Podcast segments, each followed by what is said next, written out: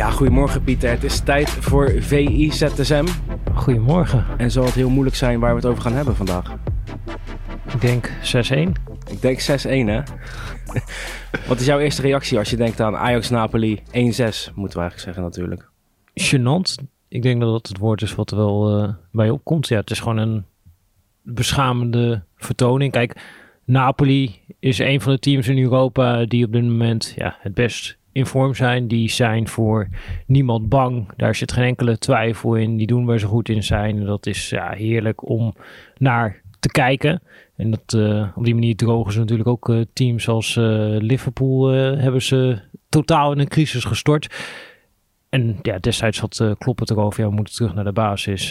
Liverpool deed niks goed waar Liverpool goed in hoort te zijn. En eigenlijk kun je dat bijna één op één nu op Ajax plakken. Dat Ajax heeft niet alleen verloren in de Champions League, niet alleen verloren met 6-1 in de Champions League, maar Ajax heeft ook met 6-1 verloren in de Champions League van een team dat eigenlijk alle Ajax-principes beter uitvoert dan Ajax zelf.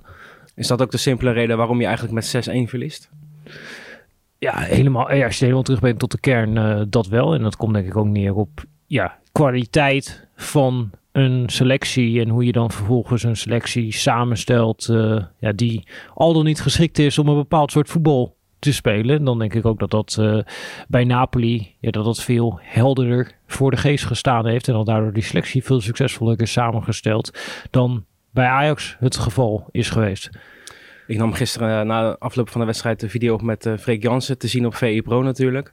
Die zei ja, het is eigenlijk het einde van een tijdperk nu bij Ajax. Zo voelt het zeker. Ja, dit, is, dit, dit voelt als een van die wedstrijden die ja, tot, tot in lengte vandaag zo'n zo'n einde van een tijdperk uh, markeert. En ook een soort van. Je hebt soms van die wedstrijden ja, waar je twee dingen tegenover elkaar ziet staan. En dat je merkt, uh, oeh, dat is wel een heel groot uh, verschil. Ja, Salzburg, dat wordt natuurlijk heel veel aangehaald ja. na deze nederlaag. Dat is natuurlijk een andere wedstrijd waarin Ajax ja, gewoon ja, in het eigen stadion destijds iets meemaakt uh, wat ze daarvoor niet meegemaakt uh, hadden. En dat ja, zag je nu denk ik ook weer uh, een beetje gebeuren. Je hebt natuurlijk nog die nederlaag tegen Rostov. Dat kan je natuurlijk in het geheugen schieten als zijnde van de wedstrijd waarin het ook helemaal misging. Nou, in de periode Frank de Boer is natuurlijk het een en ander gebeurd. Martin Jon natuurlijk met die nederlaag waarna Johan Cruijff in zijn column helemaal losging. Dus ja, dit dat zijn allemaal opnoemt joh. Ja, dit zijn wel allemaal. Uh, ja, dit is gebeurd. Het, het is uniek dat het zo'n grote nederlaag is. Dat is voor het eerst, geloof ik, sinds 1964 zag ik een statistiek uh, voorbij uh, komen. Nou, dat is ver voor onze geboortes dat dit voor het laatst gebeurd is. En dat laat ook wel, denk ik, zien ja, van hoe uniek het is wat zich heeft uh, voltrokken dinsdagavond in de Johan Cruijff Arena. Ja, je hebt na de wedstrijd natuurlijk meerdere tactische analyses gemaakt. Wat zou je eruit willen pikken? Wat is het grootste probleem van dit Ajax? Nou ja, het grootste probleem is denk ik uh, ieder gebrek aan een fatsoenlijke opbouw. Ik denk dat dat het grootste probleem is. Als jij als Ajax wil winnen van Napoli, ja, dan is er denk ik eigenlijk maar ja, één manier om dat te doen. En dat is nou ja, onder een eerste druk uitkomen. En daarna liggen de ruimtes. En dat heb je ook nu gewoon in deze wedstrijd. Kijk, het was een dramatische wedstrijd. Uh, ze verliezen het met 6-1. En dat was niet eens heel erg uh, geflatteerd. Ook als je naar de onderliggende cijfers uh, kijkt. Dus ja, dat was een volledig terechte afgang. Alleen als je gewoon ja, naar het spelbeeld keek, zeker ook in de eerste helft, ja, dan zag je wel dat als je onder die eerste druk uitkomt van Napoli, ja, dat daar op hun helft, dat daar enorme ruimtes liggen om tussen de linies te combineren en vanuit daar tot uh, kansen en mogelijkheden te komen. En ja, die, die ruimtes hebben er gewoon gelegen uh, tegen Napoli. Alleen Ajax is niet in staat gebleken om ja, het balbezit dusdanig te controleren dat je in die situaties komt. Nou, wat voor wedstrijd krijg je dan? Een wedstrijd met heel veel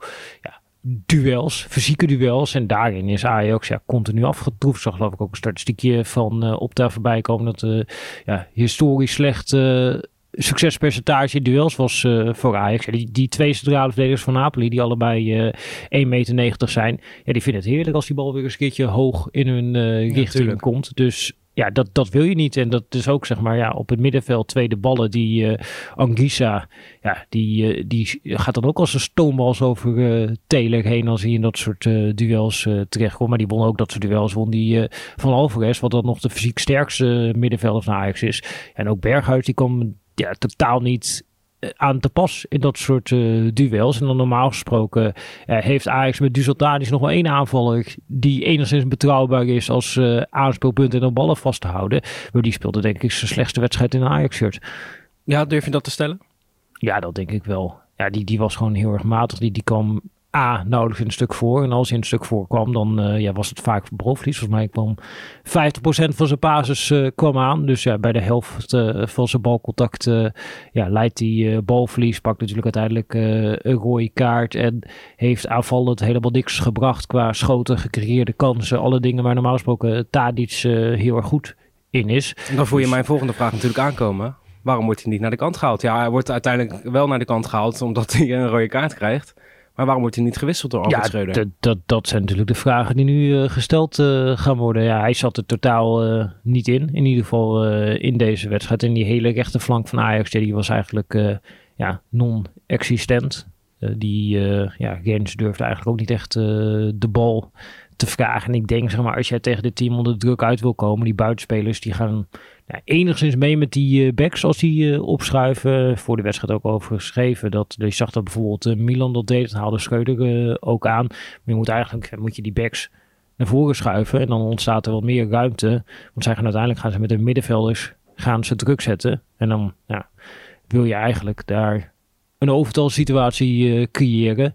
Dan een van hun middenvelders dwingen om uit te stappen. En daarna de vrijstaande middenvelders vinden. Nou, dat zou ook ongetwijfeld het plan geweest zijn uh, van mhm. Ajax. Maar dat kwam er totaal niet uit. En het meest schrikbarende is dat dit ja, niet de eerste keer was dat het totaal niet uh, uitkwam bij Ajax. Want we hebben tegen Liverpool hebben het gezien. Die gingen druk zetten. Nou ja, AZ heeft die wedstrijd ook gezien. Die ging dat ook doen tegen Ajax.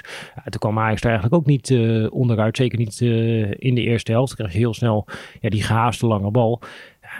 Napoli deed precies hetzelfde. En er gebeurde voor de derde, derde keer gebeurde er hetzelfde. Nou, volgens mij is er zo'n uh, legendarisch fragmentje van uh, Peter R. de Vries. Die dan, als het één keer gebeurt, is het incident. Als het twee keer gebeurt, is de patroon. Als het drie keer gebeurt, nou ja, ik weet niet meer wat, wat het precies was. Maar het is wel, als het nu keer op keer op keer gebeurt, dan is daar gewoon iets structureel fout. En er zijn ook structureel iets fout, in ieder geval in deze wedstrijd, uh, met hoe de organisatie stond op het moment dat Ajax uh, de bal kwijt raakte. Uh, dus ja, dat, dat zijn wel twee punten waarvan ik kan zeggen, ja, als dat op dit niveau blijft, ja, dan heb je inderdaad niks in de Champions League te zoeken. En tegelijkertijd denk ik wel dat het, het, is, de, het is geen dramatische selectie die mhm. Ajax heeft. Ik denk niet dat deze selectie goed is samengesteld om traditioneel Ajax voetbal te spelen in 4-3. Maar ja, je, je, gaat bijna denken, ook als je zeg maar hè, bijna praktisch hetzelfde elftal, uh, een, in ieder geval een grote kern ervan zie je in Nederland zelf al uh, spelen. Van joh, kijk naar Louis van gaan we drie verdedigers spelen.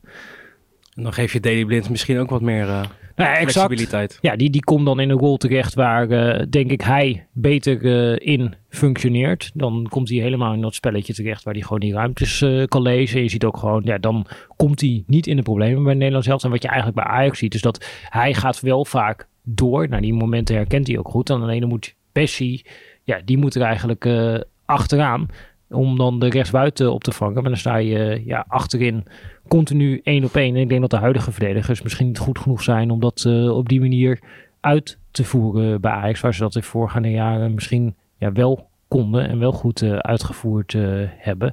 Ja, heeft deze selectie niet die kwaliteit. En je ziet natuurlijk ook dat het tegenstanders weten wie bij Ajax de opbouw niet kunnen verzorgen. Remco pas weer. Nou, de, de, cijfers die hij neerzet in de Champions League, dat is echt dramatisch. En je ziet dat, het is gewoon een heel klein detail. Maar er wordt eigenlijk, Napoli zette niet zo heel fanatiek druk. Die namen eigenlijk totaal geen risico in de zetten. Er was vaak één of misschien twee mannetjes die een vorm van druk zetten. Het enige wat ze deden was dat de Raspadori, die spits, iedere keer als die bal terugging naar pasveer, maakte hij een loop in naar pasveer. Je ziet dat pasveer, als er een speler op hem afkomt, die kan best goed voetballen en die heeft een goede trap, et cetera, et cetera. Maar als een speler op hem afkomt en die loopt op hem door, totaal paniek en dan trapt hij hem gewoon wild ergens heen. Uh, en als je dan als Ajax zijnde geen fysiek sterke spelers hebt, ja, raak je hem kwijt. Nou, dat heeft Liverpool heeft dat laten zien. En daarna zie je AZ, die gaat het kopiëren. Dan gaat nu Napoli gaat het uh, kopiëren. En dan heeft Pasveer ook niet per se de oplossing. Ja, en Bessie is ook zo'n probleem als hij hij wordt dan, is vaak de Ajax-verdediger die vrij wordt uh, gelaten op het moment dat ze aan het uh, opbouwen zijn. En hij is niet de man die dan in kleine ruimtes uh, de voorwaartse oplossing ziet en ziet welke middenvelder een linie verder vrijkomt door de manier waarop de tegenstander druk zet en die hij dan ook kan vinden. Dus je speelt ja, vaak ja, achteruit op safe of soms in één keer een wilde bal over de zijlijn. Maar dat is niet ja, wat je in die situatie nodig hebt.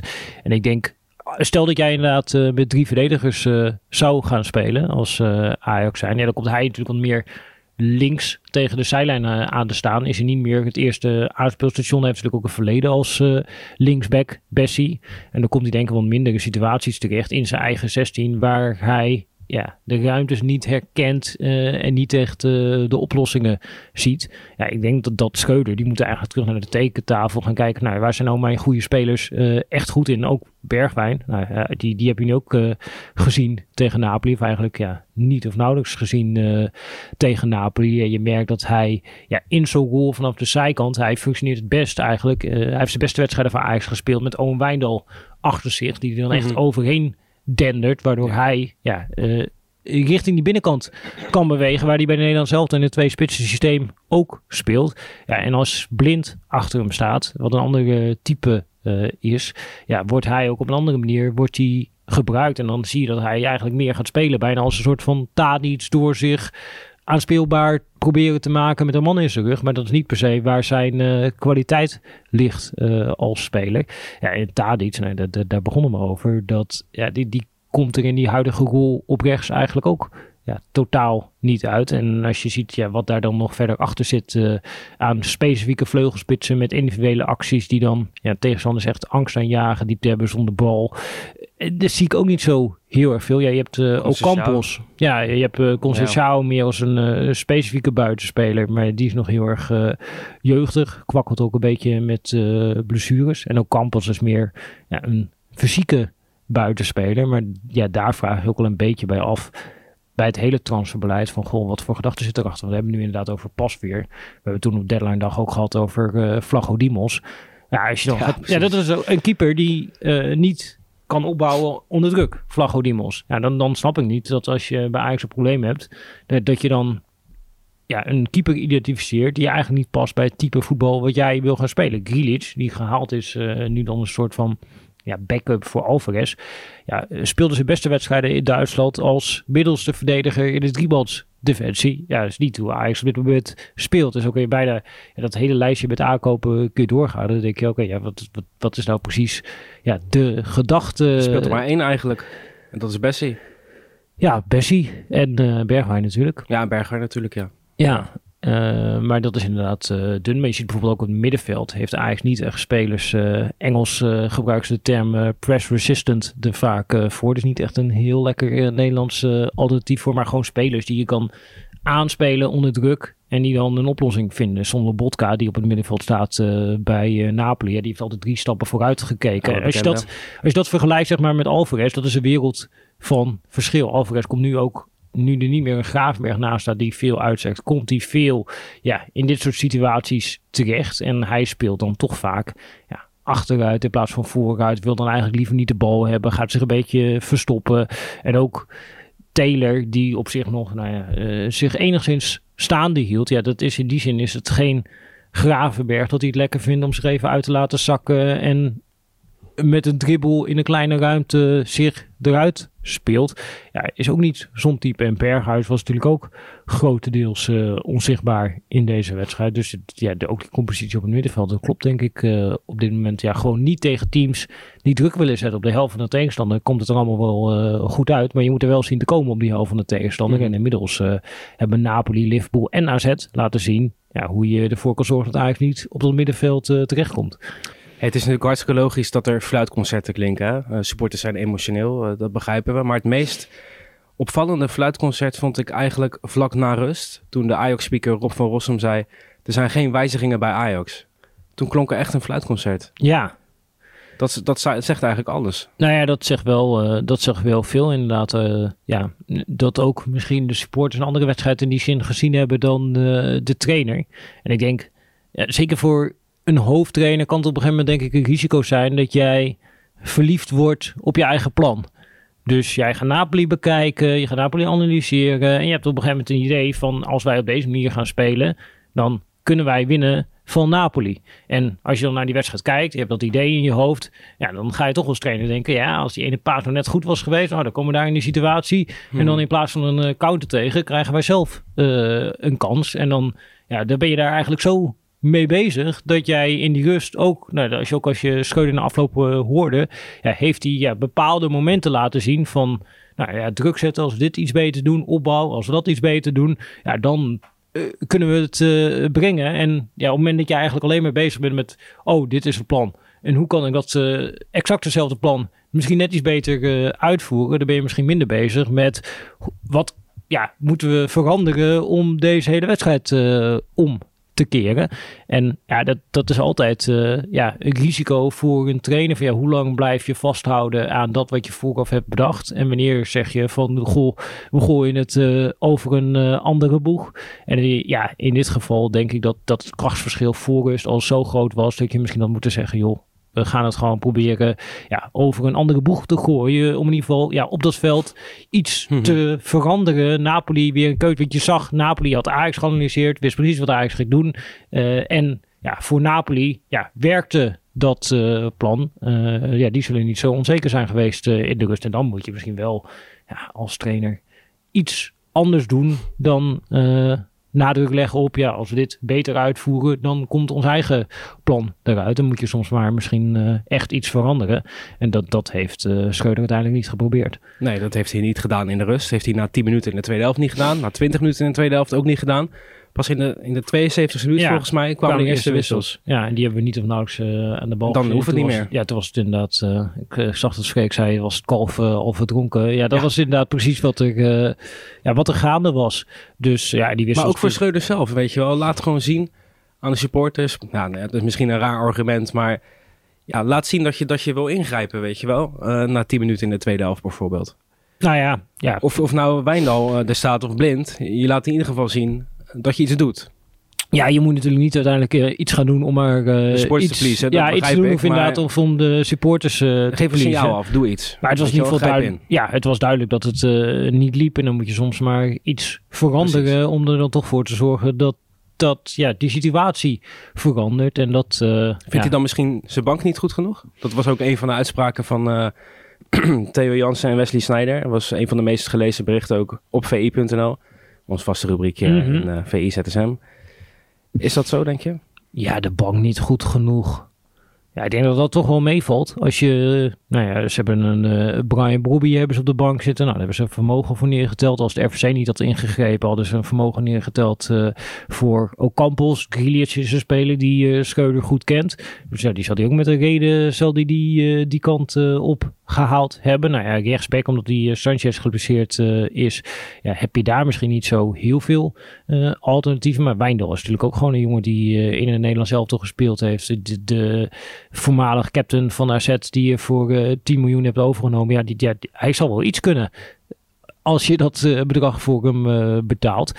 Uh, en ja, ook iemand als Davy Klaassen zit natuurlijk op de bank. Ja, die staat bij Nederland zelf, dan staat hij nog geregeld in de basis. Dus ja, die zou ook wel iets kunnen, toch? Dus ja, ik vind niet dat, dat daar een echt een gebrek aan opties is. Moet je dan kijken naar de uitspraken van Schreuder? Dat hij zijn eigen ploeg toch niet goed genoeg vindt? op dit niveau? Nou ja, dat was wel een opvallend iets wat er gebeurde. Want hij zijn daar, nou, zijn niet goed genoeg uh, voor dit niveau. Nou, dat begrijp ik ook wel. Als je net met 6-1 met afgesminkt uh, door Napoli. Want dan ga je als je, stel dat hij als trainer had gezegd... nou ja, wij kunnen prima ons wedijveren met uh, Napoli. En nou, dat gaan we volgende week laten zien. Dan denk je ook, nou, die, die heeft ze niet allemaal op een rijtje. alleen inderdaad, als je dit zegt... maar alleen wat dat betreft was het wel grappig dat voor de wedstrijd... Toen zei Schreuder in een van zijn interviews van... nou ja, dit is Champions League... En wij moeten laten zien dat als Ajax op Champions League niveau thuis horen. En deze jongen horen ook op Champions League niveau thuis. En dat contrasteert, contrasteert natuurlijk met zijn uitspraken na de wedstrijd. Waarin hij eigenlijk zegt van nou, dit is uh, Napoli en uh, Liverpool. Wat misschien een realistische analyse is. Is op dit moment voor ons te hoog gegrepen. Maar ik denk dat het ja, kwaliteitsverschil SEC in de spelers, ja, dat dat niet zo groot is als dat nu de uitslag uh, doet vermoeden. Dus wat dat betreft moet uh, Schreuder denk ik ook ja, zelf in de spiegel gaan kijken om te zien van nou, hoe kan ik meer halen uit deze spelersgroep dan dat ik er op dit moment uit haal. Want het is ja, nu gewoon duidelijk dat het niet loopt. Uh, en ja, er moet wel een plan gaan komen voor met name die situaties waar een tegenstander druk gaat zetten. Want ja, die lange ballen, dat heeft gewoon geen zin.